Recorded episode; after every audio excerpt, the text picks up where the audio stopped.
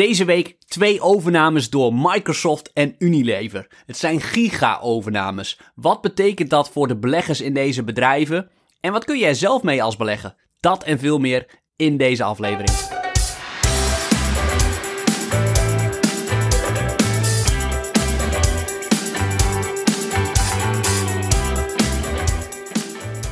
Ja, leuk dat je luistert. Mijn naam is Barbara. En ik ben Rowan. Ja, Rowan, deze week gaan we het hebben over twee grote overnames. Ja, echt mega overnames. Ja, dat heb ik mij laten vertellen. Ja, ik snap dat jij er niet alles mee krijgt, maar het is, is heel actueel. Nou, deze heb ik wel meegekregen, want hij beïnvloedt mij direct. Welke bedoel je? De overname van Activision door Microsoft. Ja. Ja, hoe dan? Oh, je gaming ETF. Ja. Ja? ja. Ik speel toch Activision games? Jongen, jongen, jongen. Draag Ja, van begrip ja, of ja, niet? Ja. Dus Activision is de eigenaar van Call of Duty Heel goed. en dat speel jij. En ik speel Call of Duty. Ja. Ja, zowel eh, Warzone als Vanguard, de nieuwste Call of Duty. Vanguard, het beste, beste, best verkopende spel van dit jaar. Op de PC en console. Nou, dat snap ik wel. Daar heb ik dus aan bijgedragen. Heb je 60 euro betaald voor die game? Of, eh, Ja, echt 60? Ja. Ja. En Zo. toen bleek mijn laptop niet goed genoeg. Moest ik ook mijn laptop upgraden. Ja, ja, ja. Ja, nieuwe, nieuwe grafische Of kaart. nou, eigenlijk probeerde ik het op jouw nieuwe laptop te spelen. Maar jij had ook niet een goed genoeg grafische kaart. Nou ja, dus toen werd het tijd om mijn vijf jaar oude laptop toch een keer te vervangen. En toen dacht ik, ja, dan wordt het een gaming laptop. Ja, ja. Twee vliegen in één klap. Je hebt van die hele vette toetsveranderende lichtjes. Het is echt een gaming laptop, ja. ja. Ja. Maar goed, voordat dit een heel nerdprogramma wordt. eh, ik ben wel benieuwd wat je erover te vertellen hebt. Die van Activision is nog niet zeker, toch? Nou, die is zekerder als die van Unilever. Er zijn er dus twee. Microsoft koopt Activision Blizzard, de maker van Call of Duty, World of Warcraft en ook Candy Crush. Dat zijn de drie, eh, drie grote spellen. Voor 69 miljard dollar. En Unilever heeft een bod gedaan op de consumentengezondheidsdivisie van GlaxoSmithKline. Oh, die ken ik van hem, de wc. Als je een wc-rol ziet, dat is soms van, van dat bedrijf. GSK. Nou, volgens mij staat het soms letterlijk die Oh. hele zin erop. Ja, ja daar zijn ze groot in. Ja, Of niet? Ja. Heb ik het verkeerd? ja nee, ongetwijfeld. Ik ken de hele portefeuille niet. Dus Maar wat heb- doe je? Nee, maar wat. Nee, maar dat, dat zit wel allemaal in hun productenpalet. Ja, oké, maar je moet ze dan toch ergens van kennen. En nou ja, als je dan op de wc zit en je kijkt wat, eh, het is wat saai, je kijkt om je heen, dan heb ik die naam wel eens zien Ja, staan. Nou, mooi. ja. Ja. Ook van Sensodyne bijvoorbeeld. Heel veel in de tandpasta-wereld. Heel groot marktaandeel. Nou, dat wist ik dan weer niet. Maar dat is dus, Unilever is een beetje zo'n paraplubedrijf waar gewoon heel veel bekende merken onder vallen. Zoals Knorr, Axe, Dove volgens mij, Ja. Robijntje. ben Nou, Jerry's. Ben Jerry's, noem maar op. En ehm, eigenlijk is Clark, veel te lange naam, Johnson nog wat. Hoe heet die naam? Johnson Johnson? Nee, ik bedoel die. Het was een hele lange naam die je zei. Oh, GlaxoSmithKline. Die ja. Ja, ja, ja. Oké. Ja. Dus dat, die gaan ze kopen. Daar is nu ook een bod gedaan op van omgerekend 68 miljard dollar. Dus het zijn twee ongeveer even grote biedingen. Het verhaal is echt compleet anders. En dat is ook heel interessant, denk ik, voor beleggers. Oké. Ja, want oké, mogen we het vanaf nu CSK noemen? Zodat ik niet de hele tijd die hele naam hoef uitspreken. Ja, GSK mag ook. Is die eerst een G? Oh Ja. man, oké, hou maar op. Goed, voordat we helemaal ingaan op deze twee onderwerpen. En ik ben nog even benieuwd waarom we het hierover gaan hebben. Want we spelen niet altijd in op de actualiteiten. Dus ik hoor zo graag van je waarom we nu wel inspelen op ac- actualiteiten. Maar we willen nog even onze aankomende masterclass hier voor je aankondigen. Als je het leuk vindt om meer te leren over financiën en waardering, dan komt er een interessante masterclass voor je aan die je misschien wel wilt volgen op zaterdag 5 februari. Het duurt ongeveer de hele dag. Begint om 9 uur, half 10, zoiets. Ja, En eh, tot een uurtje of vier, grofweg. ja. En dan gaat het de hele dag over financiën, waardering, financiële ratio's. Dus ehm, Voor de diehards. wil je iets meer vertellen over de inhoud van de masterclass? Nou, we gaan drie belangrijke dingen uitsplitsen. We gaan de jaarrekening kraken. Daar beginnen we mee met het programma, want dat heb je nodig om te bepalen of een bedrijf financieel gezond is. Daarna gaan we kijken naar de belangrijkste financiële ratio's, die je helpen om vrij snel een conclusie te kunnen trekken over bedrijven en bedrijven onderling te kunnen vergelijken.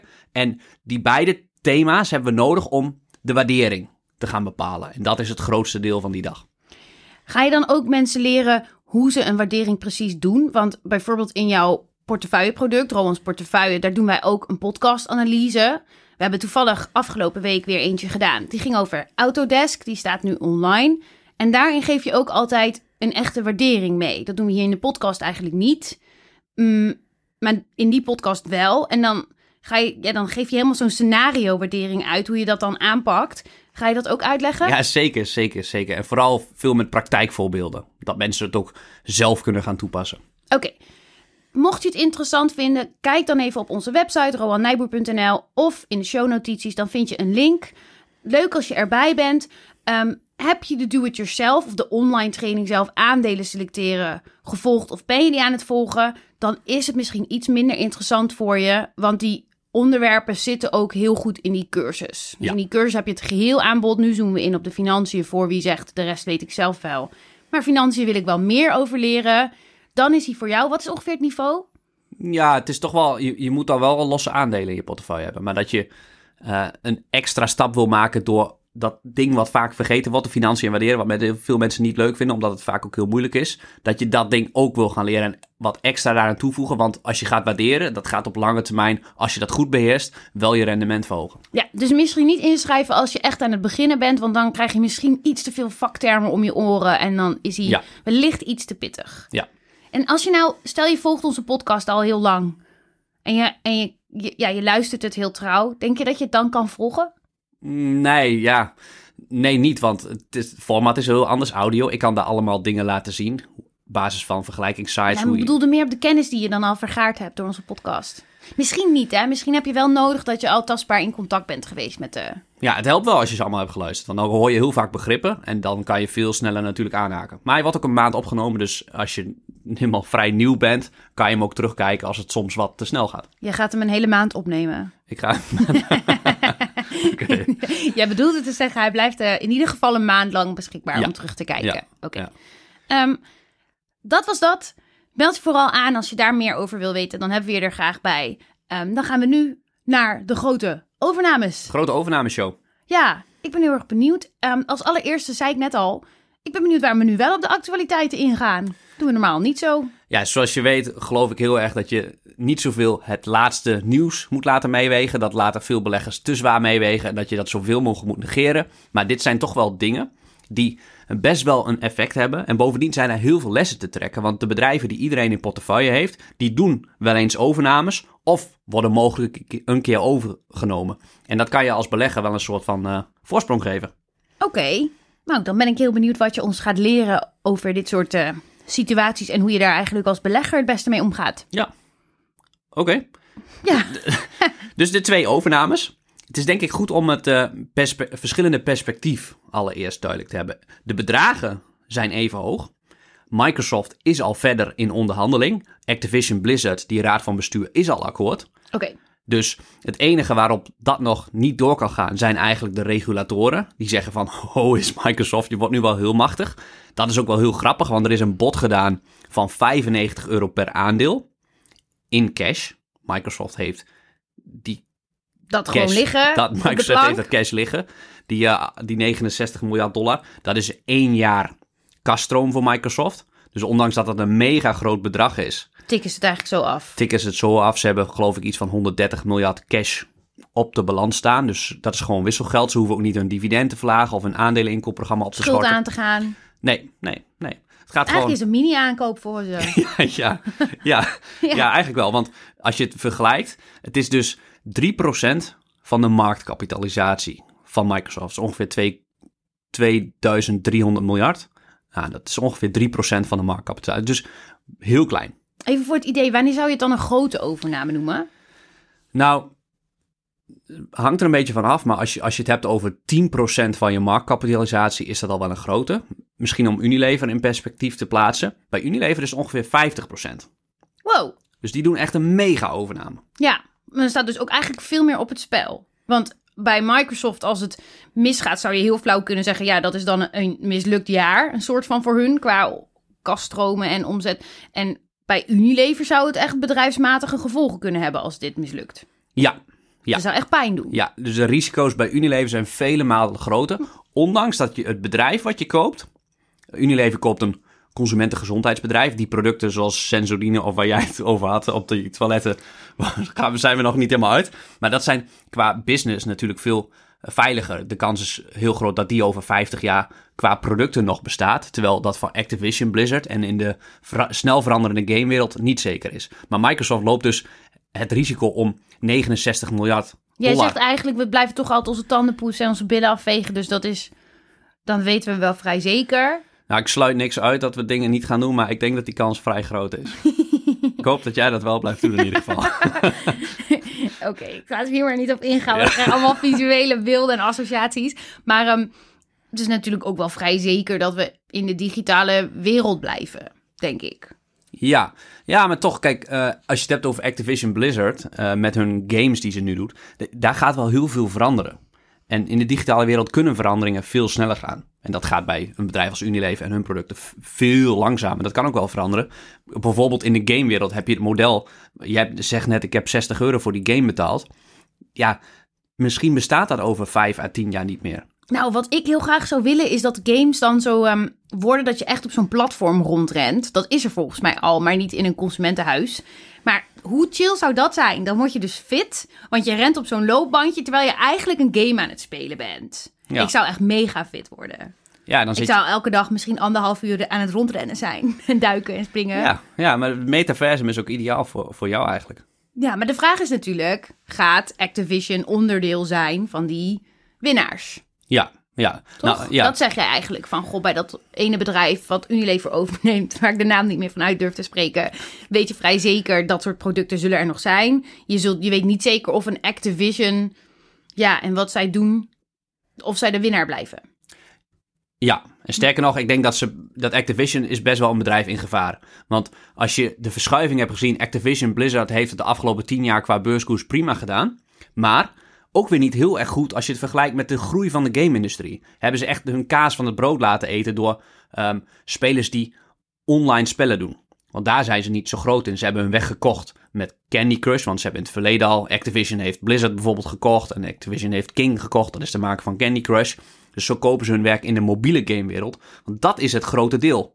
Dat is samen, dat veel mensen weten dat niet. Maar de omzet uit mobiele games is groter dan de PC en de console omzet bij elkaar, bij elkaar opgeteld. Oh, dat wist ik ook niet, nee. Nee, dat, Had ik ook niet verwacht. dat zou je niet verwachten. Jij, jij speelt op de, op de mobiel wel eens Brawl Stars. Ja, daar doe je af. En, en op de mobiel zijn bijna alle spellen gratis, hè? Ja, En daar doe je dus, dat is dat totaal andere model. Dan ga je gewoon betalen als je een nieuwe skin wil of, eh, of iets leuks wil. ja bijvoorbeeld eh, in, bij Brawl Stars is het de Brawl Pass. En dan heb je elk, eh, elk kwartaal heb je een Brawl Pass seizoen. En dan kan je voor 12 euro of zoiets kan je daaraan meedoen.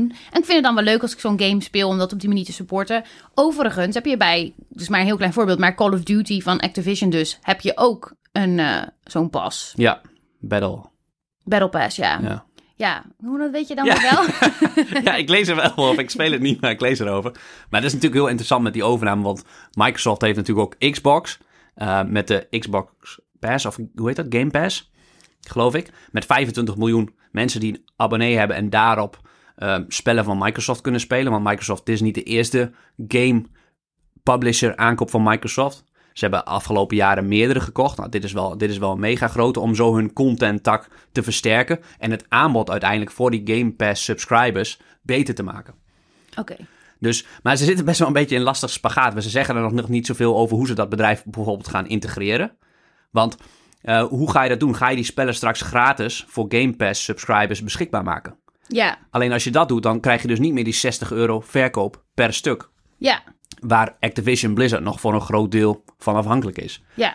Dus, dus je, je omzet kan misschien eerst gigantisch omlaag gaan. Nou kan Microsoft dat allemaal hebben. En zullen ze misschien vooral het platform willen aansturen door dat te integreren. Maar het is wel een risico van hoe ga je zo'n overname integreren. En daar gaan de meeste overnames eh, de mis mee in. Want wetenschappelijk onderzoek wijst wel uit dat 70 à 80 procent, dat heb jij denk ik ook op de universiteit gehad, dat die mislukken. Ik weet niet of ik dat college in de taal zat. Ja, ja, ja. Toen was ik er een keertje niet. Alleen die keer Ja, niet hoor. Ja, ja. Nee, maar dat is best wel schrikbarend. Vaak wordt er gewoon veel te veel betaald voor die overnames. Dus, dus ook, dit is ook de les vaak. Bedrijven met management dat op zoek is naar overnames. Vaak is dat niet goed. En het gaat het vaakste mis, blijkt ook uit de wetenschap, als de overname groot is. En dit zijn toch wel grote overnames, dus dat is denk ik wel een heel hoog risico. Nou, hebben we Maar net al... wil ik je even onderbreken, want wat is groot? Want je zei net, ja, eigenlijk is dit voor Microsoft niet een grote overname. Dus hoeveel kan er dan misgaan? Nee. Is het dan wel echt een grote overname? Ja, dus de schade voor Microsoft is veel... Mijn vraag was eigenlijk, sorry, hoe definieer je dat groot? Ja, zoals, zoals ik net aan het begin een beetje zei, dat je als je 10% van de marktkapitalisatie erbij koopt, dan, Maar dan je zou natuurlijk ook naar de partij kunnen kijken die je aan het overnemen bent. Je zou ook kunnen stellen, eh, oké, dit bedrijf heeft x aantal werknemers en x aantal omzet en dus is het een grote overname. Ja, ja. ja, zo kan je hem ook pakken. De marktkapitalisatie zou ik wat eerlijker vinden, maar je zou kunnen zeggen, oh, eh, dit bedrijf heeft nu 10 miljard omzet en koopt nu een bedrijf erbij van 5 miljard omzet. Wow, dat is best wel groot. Dat is best wel groot, dat is 50%. Als het 1 miljard is, dan is het 10%. Nou, dan is, kan het wel impact hebben. Is ook afhankelijk van heel veel andere factoren. De partij die je koopt, hoeveel schulden heeft hij nog bijvoorbeeld? Ehm, hoe makkelijk is het te integreren? Moet je het helemaal integreren? En kan als je het integreert, gaat het dan helemaal mis? Want dat kan ook nog. Ja, want je kijkt het nu heel erg vanuit bedrijfsperspectief. Maar er is ook de factor waar ik dan aan denk van hoeveel werknemers werken er? En eh, hoe makkelijk integreren die werknemers met elkaar en met de, de nieuwe verhoudingen? En maakt het ook nog heel erg uit, kijk je naar een bedrijf met duizend werknemers... of kijk je naar een bedrijf met 10.000 werknemers of meer? Want hoe meer werknemers, hoe moeilijker het spelletje wordt, denk Ja. ik. Ja. ja, hoe groter een bedrijf en hoe unieker de cultuur in dat bedrijf, hoe lastiger zoiets te integreren is ook. Ja, En de vraag is ook, wil je het integreren? Ja, soms wel. Ik heb, eh, wel eens verteld over aandelen SNS Real. Vaak genoeg langsgekomen. Mijn, eh, mijn eerste grote blooper. Ik heb recent dat boek De Val van SNS Real met veel eh, pijn eh, gelezen. Maar dat, de, het ging mis bij SNS Real door een overname van een vastgoedtak. Ja, dat hoort eigenlijk al niet helemaal bij een bank. Ja, dat, dus dat, dat schuurt al niet. Maar wat ze vooral hebben nagelaten, is het te integreren. Ze hebben gewoon het management wat ze hebben gekocht, die hebben ze tent laten aansturen. Er was nooit goede controle op en er waren gewoon heel veel cowboy-activiteiten. Dus dat hadden ze vanaf het begin veel strakker moeten aansturen. Ja, dan, dan kan je dat alsnog allemaal kanttekeningen bij plaatsen als ik dat zo hoor. Dan denk ik, ja, was het wel goed gegaan als je het wel had aangestuurd. En, en neemt niet weg dat de tak nog steeds niet bij je bedrijfsvoering past. Klopt. Maar ik snap wat je zegt. Oké, maar dan heb je het eigenlijk ook een beetje over welk, welke bijdrage levert een overname aan je al bestaande business? Ja. Hoe, hoe komt dat samen? En draagt het bijvoorbeeld echt bij aan de kern of aan de kern van je toekomst? Of Ja. niet? Ja, ja en dat is dus per case anders. En de ene keer wil je het wel integreren, de andere keer wil je het niet integreren. Heel vaak wil je het ook niet integreren. Wat gaat eh, Microsoft met die games doen? Het is beter niet om te gaan sleutelen aan de games, denk ik. Want je hebt hele loyale spelers. Als daar dingen anders gaan, zoals jij, als jij ontvreemd eh, wordt doordat je in één keer elke keer moet betalen voor de in-game, dan gaat die hele cultuur van spelers. En dan gaan die spelers zijn ook dan niet zo loyaal aan zo'n game. Dus daar moeten ze niet aan gaan sleutelen. Waar ze wel aan moeten gaan sleutelen, want ik weet niet of jij dat weet, maar in Nederland speelt er ook zo'n eh, ehm, ehm, een, een, eh, zo'n bekend Nederlands programma, The Voice, ook zo'n actueel eh, soort van machtsmisbruik dossier. Nou, dat speelt het afgelopen jaar bij Activision Blizzard. Oké. De CEO, Kotick, ook beschuldigd van al jaren een beetje ja, machtsmisbruik, ook op seksuele manieren. Beleggers, die, personeel die wil dat hij opstapt, hij stapt niet op. Eh, daardoor is die beurskoers eigenlijk ook gehalveerd. Door die culturele problemen. Nou, dat is, ja, dat is ook de reden dat Activision Blizzard denk ik heel blij is dat ze nu naar Microsoft kunnen. En die CEO eigenlijk ook eh, ja, via de achterdeur weg kan gaan met een hele mooie oproeppremie. Ja, en Microsoft blij, want die beurskoers staat dus laag. Ja, die, koopt, die betaalt eigenlijk heel weinig. Ja. Ja. Maar ja, het is natuurlijk wel de vraag wat je koopt. Want ik denk dat bij Activision Blizzard echt een exodus van talent aan de gang was. Dat topprogrammeurs die niet meer in zo'n cultuur willen werken. En dat is misschien nu gestopt. Dat ze zeggen, oké, Microsoft komt nu ons hoeden en gaat nu die cultuur ver- verbeteren. Dat die hoop er is. Ja, ja. En ik kan me voorstellen dat dan personeelsleden wel blijven. Doordat er ook allerlei kansen binnen het grote Microsoft bedrijf komen. Ja, maar mijn vraag is wel, hoe integreert dit, hoe draagt dit bij, deze overname aan de toekomst van Microsoft? Want ik denk niet dat het een per se zit in hoe winstgevend wel of niet die spellen nou zijn. Daar koopt Microsoft niet een spellencreator voor. Nee, nee, en dat koop je ook niet voor 3% van je market cap. Dan koop je niet echt iets daarbij. Maar wat voor Microsoft heel belangrijk is, is, zijn denk ik twee dingen. Eén, het metaversum. Oké, Daar willen ze zich op richten. Als je de earnings call hebt gelezen van die overname, waarin ze dat dus aankondigen, daar komt dat woord ook iets van vijf of tien keer naar voren. Dus ze willen dat in ieder geval ook heel erg uitstralen. wij zijn met het metaversum Ja. bezig. En de vraag is natuurlijk altijd, omdat het er zo dik bovenop ligt, denk ik van, is dat dan wel de echte reden? dus, dus daar, Of, of gewoon PR. ja, Zo van naar aandeelhouders uitstralen. Wij zijn heel relevant voor de toekomst. Want misschien ontstonden daar wel zorgen over. Van hoe gaat Microsoft mee? Facebook weten we natuurlijk allemaal dat hij goed gepositioneerd is. Ehm, ik denk ook dat Google ook wel eh, zijn weg erin weet te wiggelen. En misschien dat dat bij Microsoft nog de vraag was. Ja, ja.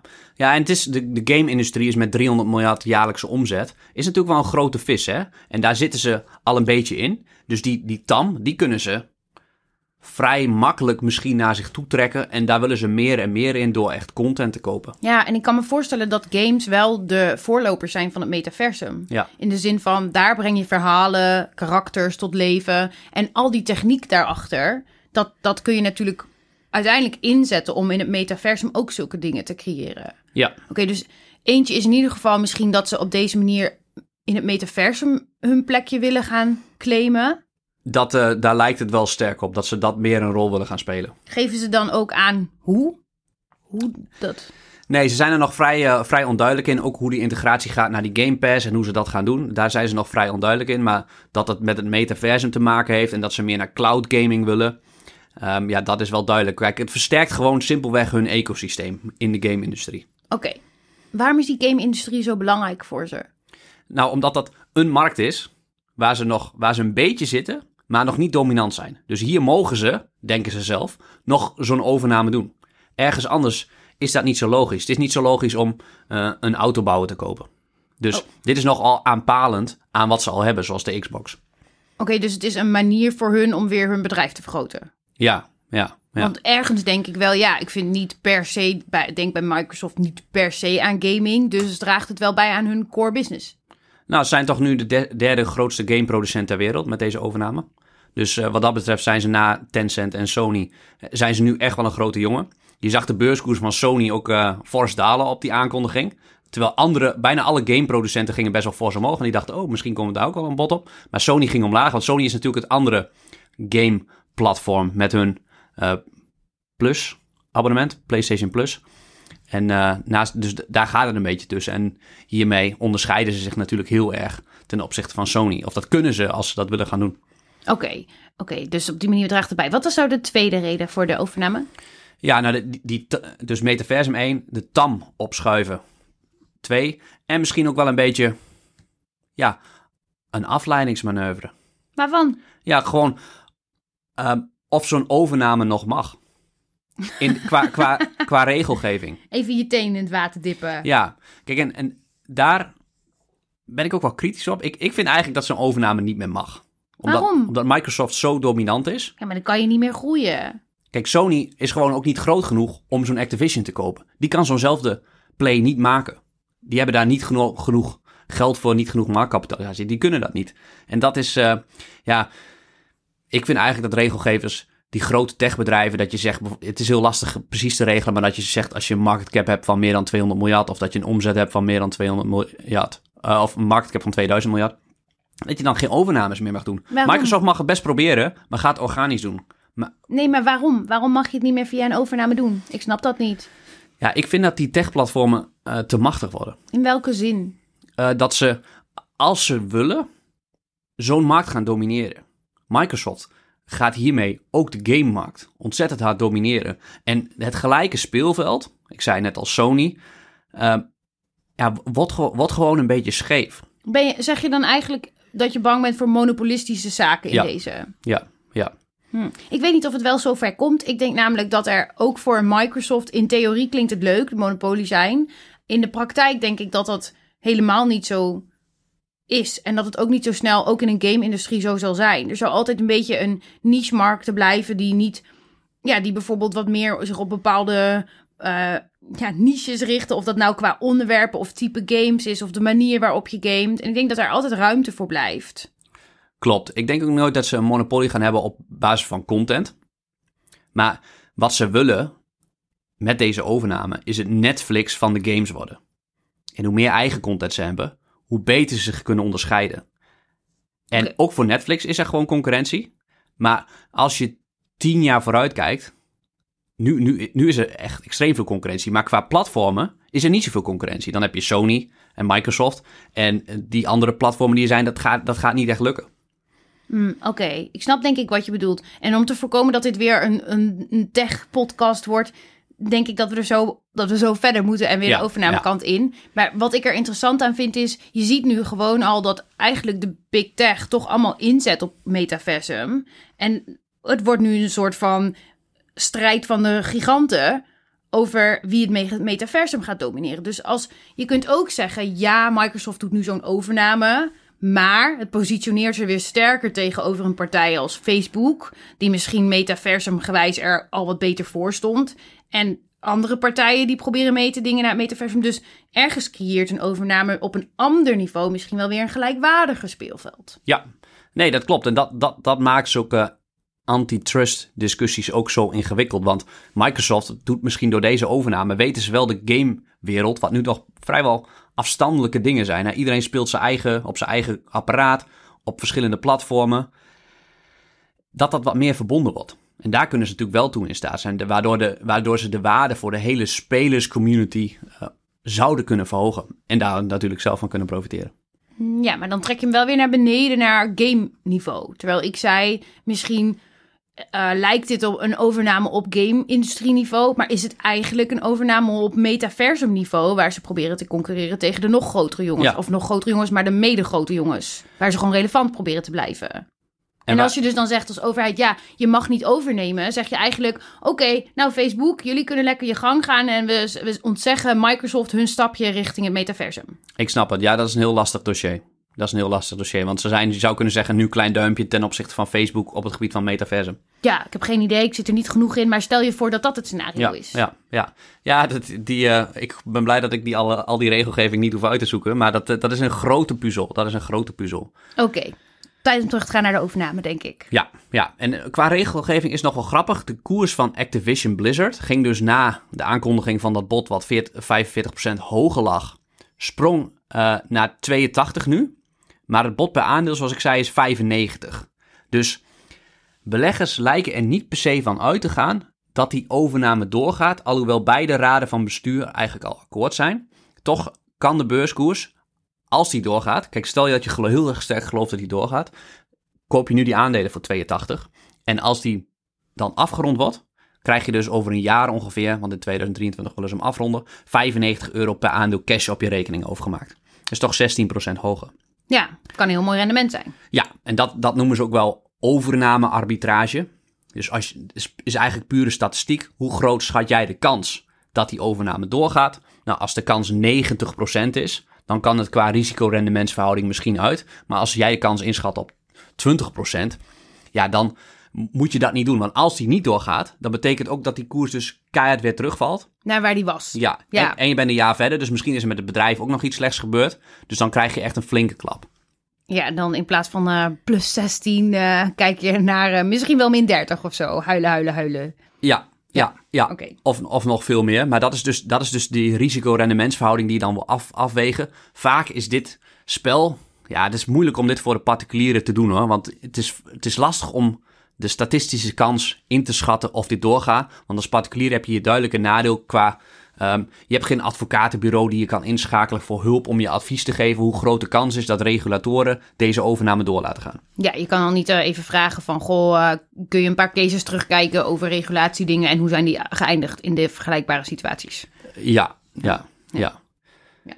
Oké, Oké, duidelijk. mooi. Is er, we zijn eigenlijk heel erg ingezoomd op de Microsoft Activision overname. Is daar nog iets wat je daarover wil zeggen? Ehm, nee, niet per se. Kijk, Microsoft zijn niet alle overnames gaan goed. Hè? Microsoft kocht bijvoorbeeld ook Nokia in 2013, geloof ik. Eh, ik weet niet meer het bedrag, maar het was iets van 7 miljard. Was toen best wel groot. En het is een jaar later is het gestaakt. dus, Au, au, au, au. ja, dus het, eh, ja, maar ze hebben ook LinkedIn al recent, een paar jaar, in 2016 geloof ik, geloof Nuances zijn best Is wel... Microsoft, is LinkedIn van Microsoft? Ja, ja, ja, ja, ja, ja. Oké, die had ik niet scherp meer. Ik denk dat we dit al een keer eerder in een podcast genoemd hebben. Dat ik toen ook zei dat ik dat niet scherp had. Maar ik had het niet scherp. Ja, ja, ja Microsoft is. dom- ik dacht dominant. dat Microsoft niet in de social media dingen zat. Maar wel dus. Ja, die heeft toch. eh, wat ze altijd misten, is eh, data van consumenten en gebruikers. Ja. Ja, dan is LinkedIn voor hun perfect. Want ze zitten natuurlijk bij de enterprise, bij de zakelijke markt zitten ze. Nou ja, LinkedIn, zakelijk netwerk. Ja, al die extra data, dat levert ze echt veel op. Oké, oké. Ik ga dit keer proberen te onthouden. Dat was in ieder geval een monstergoede aankoop. Dus soms gaat het goed, som- soms gaat het fout. Nog wel, ja, nog wel over één fout. De, de, gro- de grootste misser van alle overnames is dat EOL Time Warner kocht in eh, 2001. Een fusie, 165 miljard dollar groot. Een jaar later is daar 99 miljard op afgeschreven. Grootste verlies van een bedrijf ooit. Die gingen samen. Eentje kocht als het ware de andere. En eh, ja, 99 miljard een jaar later verdampt. Hoe kan dat dan? Ja, dat was ten tijde van de, van de bubbel. Dan worden hoge prijzen betaald. En eh, bovendien kocht je eigenlijk een, een kat in de zak. Denk je dan ook dat het echt net door die recente aandalingen komt dat Microsoft nu toeslaat? Of denk je dat het sowieso wel was gebeurd? Nou, ik denk echt eigenlijk dat Activision Blizzard eh, Microsoft een soort van gesmeekt heeft. Kunnen, kunnen we alsjeblieft, kunnen jullie ons kopen? Want we, we zitten nu in zo'n vaarwater. En dat blijkt ook wel uit in die earnings call dat, het, dat dat een beetje gezegd werd. Dat Microsoft heeft gevraagd, hoe kunnen, kunnen we jullie helpen met dit eh, cultuurprobleem oplossen? En dat er toen gesprekken op gang kwamen en toen eh, maar het bod gedaan is. En kijk, het maakt echt niet uit of Microsoft een jaar geleden... ehm, de aandeel staat nog steeds wel een 9% lager dan een jaar geleden trouwens. Dus beleggers die een jaar geleden kochten hebben nog Van? steeds van Activision Blizzard. Oh, Oké. Ehm, dus die hebben nog steeds, eh, staan nog steeds in de min. Ondanks dat je die premie van 45% in één keer krijgt. Als je ze vorige week had gekocht. Ehm, maar ja, dus dat, die extra paar miljarden maakt niet zoveel uit. Het is vooral denk ik dat Microsoft misschien nu ziet. En misschien zich wel gepusht voelt door die eh, push van Facebook en andere bedrijven naar het metaversum. Daar iets mee te doen. Want geen enkel techbedrijf wil de volgende slag naar het nieuwe platform, naar het nieuwe medium gaan missen. Ja, dat Ja. snap ik. Ja, en da- daar wil je ook wel in die zin 69 miljard mee door het putje gooien als dat nodig is. Ik denk dat jij eh, dit wel met interesse gaat volgen, of niet? Ja, dat is mega interessant, want het zegt natuurlijk iets waar iedereen naar beweegt. Wat zijn de trends? Wat speelt er onder die grote CEO's? Want die kunnen best wel dingen en markten in beweging zetten. Oké. ehm, zijn er nog meer over deze overname? Of zullen we ook eens kijken? Want er zit ook al gewoon weer een half uur op. Oh We hebben nog niet eens over Unilever gehad. Ja, Eh, dus is er nog iets wat je afrondend hierover wilt zeggen? ja over, over deze overname is ook wel grappig om altijd te beseffen... is dat er ook, als het niet doorgaat, is er een break-up fee. Dan moet Microsoft in dit geval 3 miljard betalen aan Activision Blizzard. Dus dat is dan een soort van... Ik wil ook wel overgenomen worden om die voorwaarden. Ja, Oh, gaat toch niet door. Ja, Oké, ja. bedankt voor de 3 miljard. ja, ja want dat is dus eh, dat, dat is een eh, doekje voor het bloeden voor de aandeelhouders dan. Oké. Nou, volgens mij hebben de aandeelhouders van Activision wel een wat, eh, wat groter doekje nodig. Eh, ja, ja, ja, Ja, ja. oké. En misschien, ja, ik weet niet waar je nu heen wil. Eh, nou, we, we, we hebben nog een andere overname te bespreken, toch? Ja, ja. Unilever G... Ik wacht gewoon hoor. Oké, ik ga voor GSK. Juist. Oké. Ja. ehm, Microsoft betaalt in cash. GSK ongeveer hetzelfde bedrag. Ehm 68 miljard. Wat lach je? Nee, niks. Ik luister. ja, je luistert naar als ik GSK zeg. Dat, dat, dat- nee, je had het hartstikke goed. Ehm, dat kan niet in cash betaald worden. Dus de financiering van de overname is voor beleggers ook heel belangrijk. Wordt dat betaald met cash of worden bijvoorbeeld nieuwe aandelen uitgegeven? Oké, hoe wordt deze betaald dan? Eh, dat is nog niet bekend, want er is Oh. alleen een bod gedaan en dat is uitgelekt. En nu heeft Oh. Unilever dat na dat uitlekken van afgelopen weekend bevestigd. We hebben inderdaad een bod gedaan. De vraag was even, gaan ze nog meer bieden dan dat huidige bod? Nou, ze hebben nu gisteren aangekondigd dat ze niet nog eens gaan bieden. Ze hebben hun bod al twee keer verhoogd. En nu zeggen ze, het is niet goed. Deels door de aandeelhouders be- bepaald, denk ik, want die stemden eigenlijk door de beurskoers maandag, geloof ik, met 7% lager te zetten van Unilever. Die zien dat dus niet zitten. De beurskoers van... Zie je ook wel eens dat een beurskoers dan omhoog gaat, dat aandeelhouders echt bij, wij- bij wijze van juichen voor een overname? Of, of zijn beleggers gewoon altijd huiverig bij een overname? Nee, som, soms, eh, soms gaat het fors omhoog. Volgens mij dat Just Eat Takeaway met 20% omhoog ging toen het zijn Duitse concurrent kocht, een paar jaar geleden. 20, 30 procent. Dus dat was echt...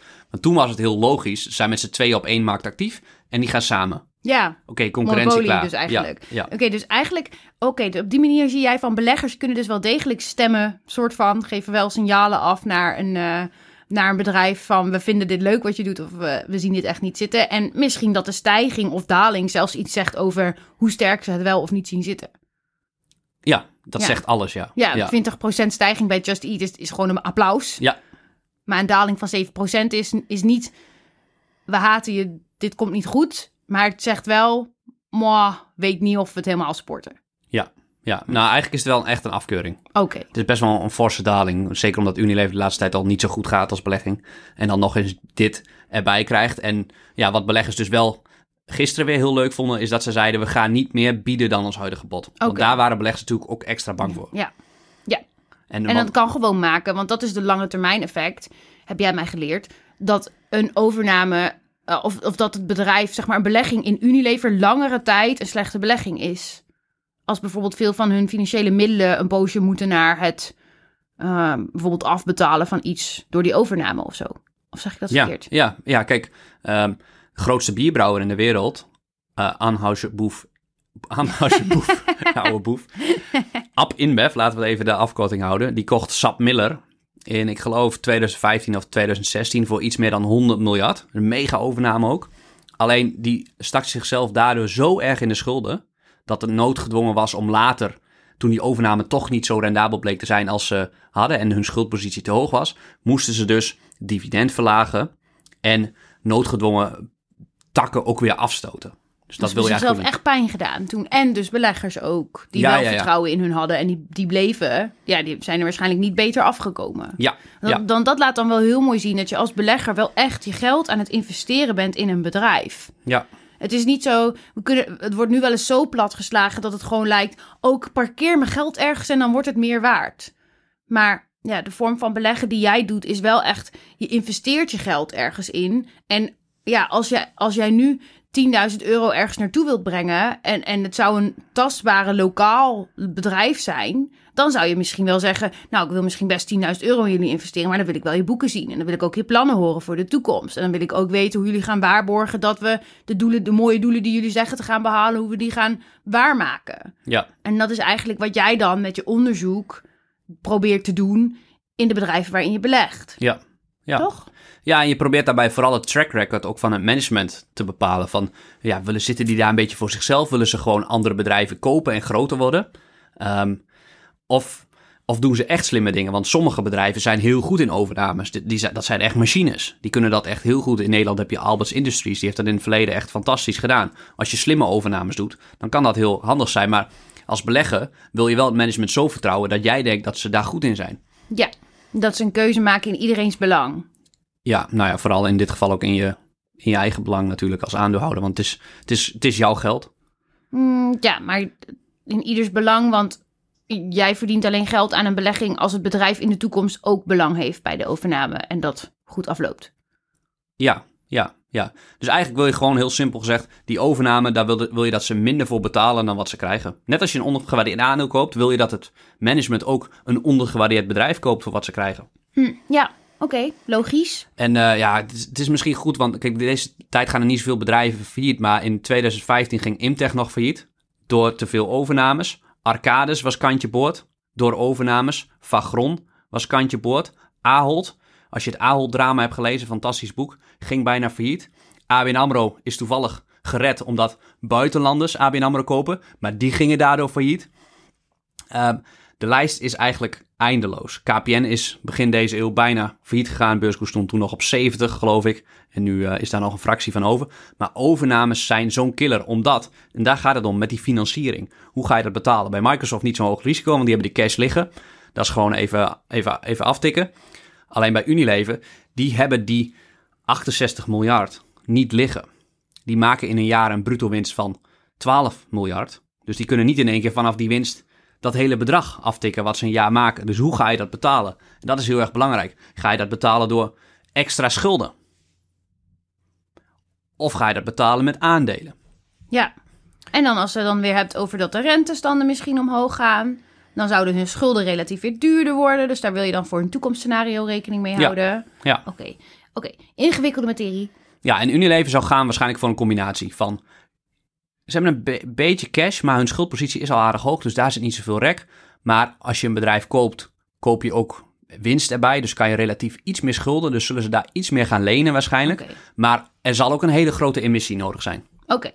En dan moeten beleggers wel vertrouwen hebben erin. Want anders kan je die emissie niet succesvol doen. Ja, wat ook nog kan, is dat... ehm wat dus, er is nog niks over bekend, dat ehm, ze betalen in aandelen. Dus dat GSK een percentage van Unilever wordt.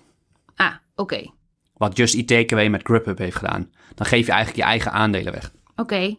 Oké, dit kan ik niet zo snel eh, voor me zien. Maar misschien laten we omwille van de tijd verder gaan. Oké. Waar wil je nog eh ja, naartoe? Microsoft, of nee, sorry, eh, Unilever en G, G, en GSK. G. Ja, ja. ja, dat bod is dus gedaan. GSK is natuurlijk een veel groter bedrijf, dus daar wordt maar een, een tak van gekocht. Wordt geen premie gedaan op een beurskoers of zo, maar dat is gewoon een divisie van GSK wat je koopt. Ah, oké. Dus, eh, Oké, dus- ze kopen dus niet het hele bedrijf, ze kopen een stuk. ja, Oké. ja, ja. Maar dat vind ik wel weer... Oké, dan gaan bij mij gelijk de alarmbellen af. Want dan denk ik, ja, als het heel, een heel succesvolle tak is voor GSK... dan ga je dat niet zomaar afstaan. Want stel dat je... Jij zei, ja, dit is een bedrijf dat nog jaren en jaren vooruit kan. Want bij wijze van blijven we altijd onze billen afwegen.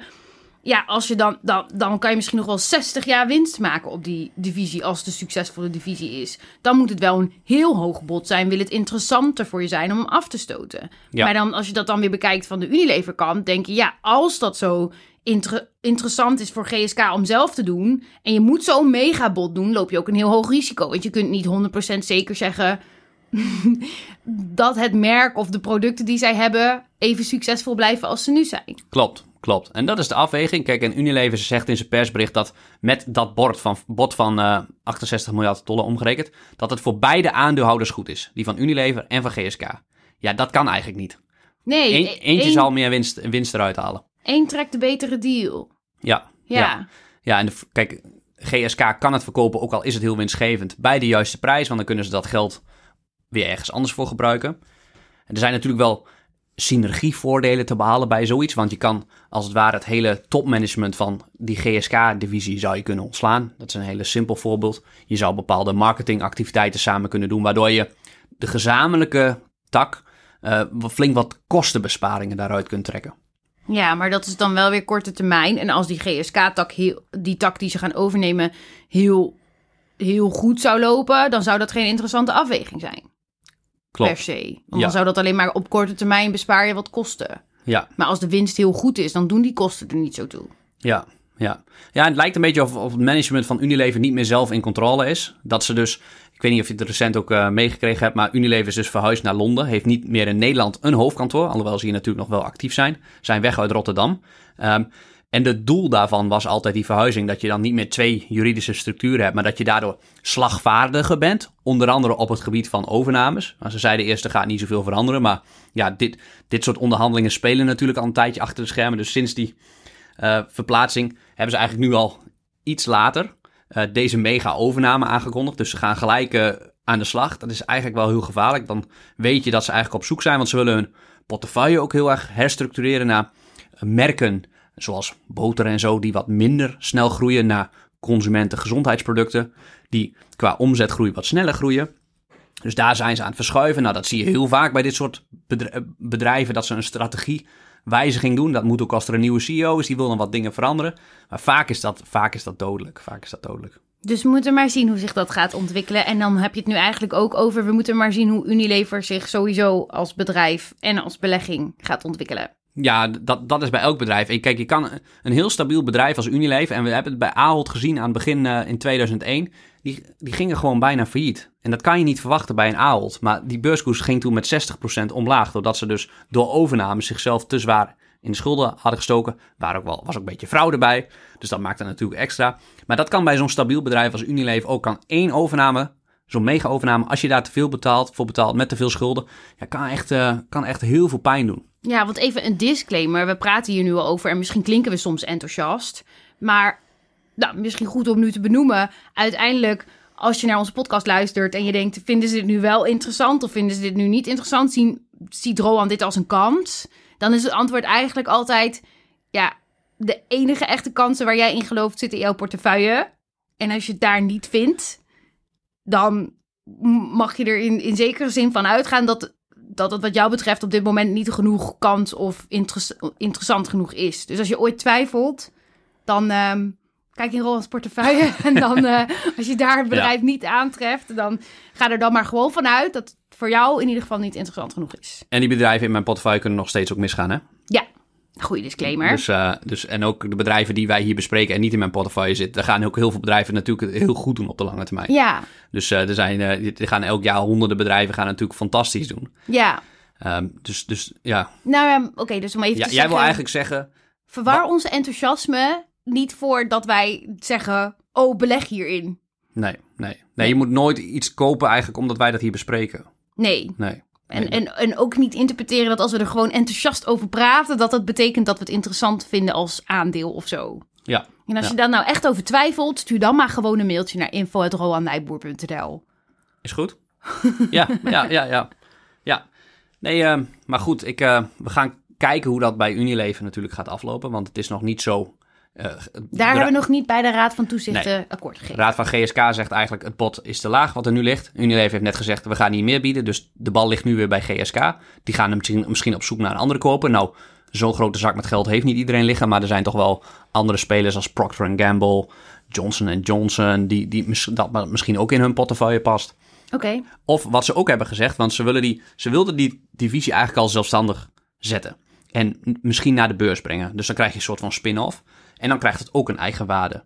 En de vraag is natuurlijk, als zij inschatten dat die waarde van die spin-off beter is dan het bod van Unilever, ja, dan eh, brengen ze natuurlijk gewoon zelf naar de beurs. ja, dat is wel logisch. En dan zou die daar alsnog in de toekomst weggekaapt kunnen worden... als iemand eh, dan weer een bot eroverheen doet op alle aandelen. Ja, dat zie je ook vaak. Dat hij dan meer in de picture komt en dat dan in één keer een concurrent wakker wordt. Alhoewel met dit soort bedragen, dan eh, is denk ik die hele sector wel wakker. En iedereen, alle CEO's en managementteams gaan nu bespreken, oh, moeten wij ook niet wat kopen?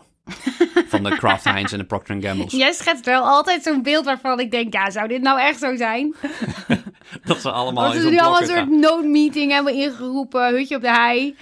Jongens, we moeten dit toch echt even bespreken. Ja, kijk, ik, het, is, het is natuurlijk wat overdreven, maar het is wel zo dat als je in die wereld zit en die CEO's en managementteams van die bedrijven zitten zo erg in die wereld, die is heel lastig om uit te zoomen. En als je dan een concurrent bepaalde acties ziet doen, dan ga je wel denken van, hé, hey, moet ik het ook niet doen?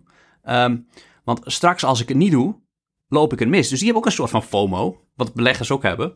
Ja, maar je wilt altijd geloven dat dit, dat dit de top van de top is. Die mensen die daar aan, de- aan het roer staan, dat die niet meer gevoelig zijn voor zulke dingen. Geloof mij, mensen aan de top, eh, in hun eigen kunnen geloven, zijn juist in staat om hele domme dingen te doen. Bovendien zijn ze vaak best wel slim. En eh, ja, mijn ervaring is dat hele slimme mensen die denken dat ze heel slim is, toch hele domme dingen kunnen doen. Oké, bedankt voor deze wijze woorden. Ik vind dat een mooi moment om af te ronden, tenzij je echt nog iets wilt zeggen. Nou, wat ik wel heel leuk vind, we...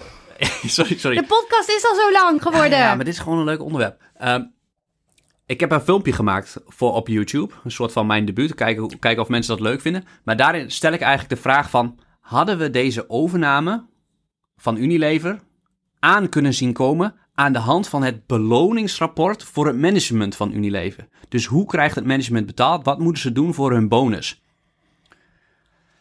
En, waar en wanneer kunnen mensen deze video zien? Ja, dat, eh, zondag willen we die eh, met de brief eh, online gooien.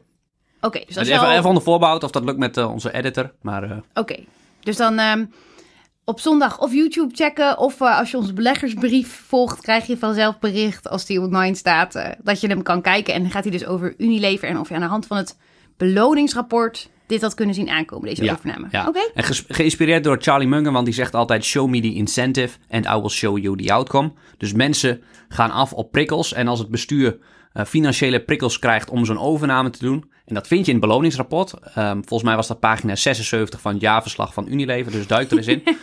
En dan kun je zien hoe ze betaald krijgen. En dan ja, kun je toch bepaalde conclusies trekken. Of juist niet. Dat laat ik dan nog even in het midden. Maar het, eh, ja, er het- moet wel wat te kijken blijven natuurlijk.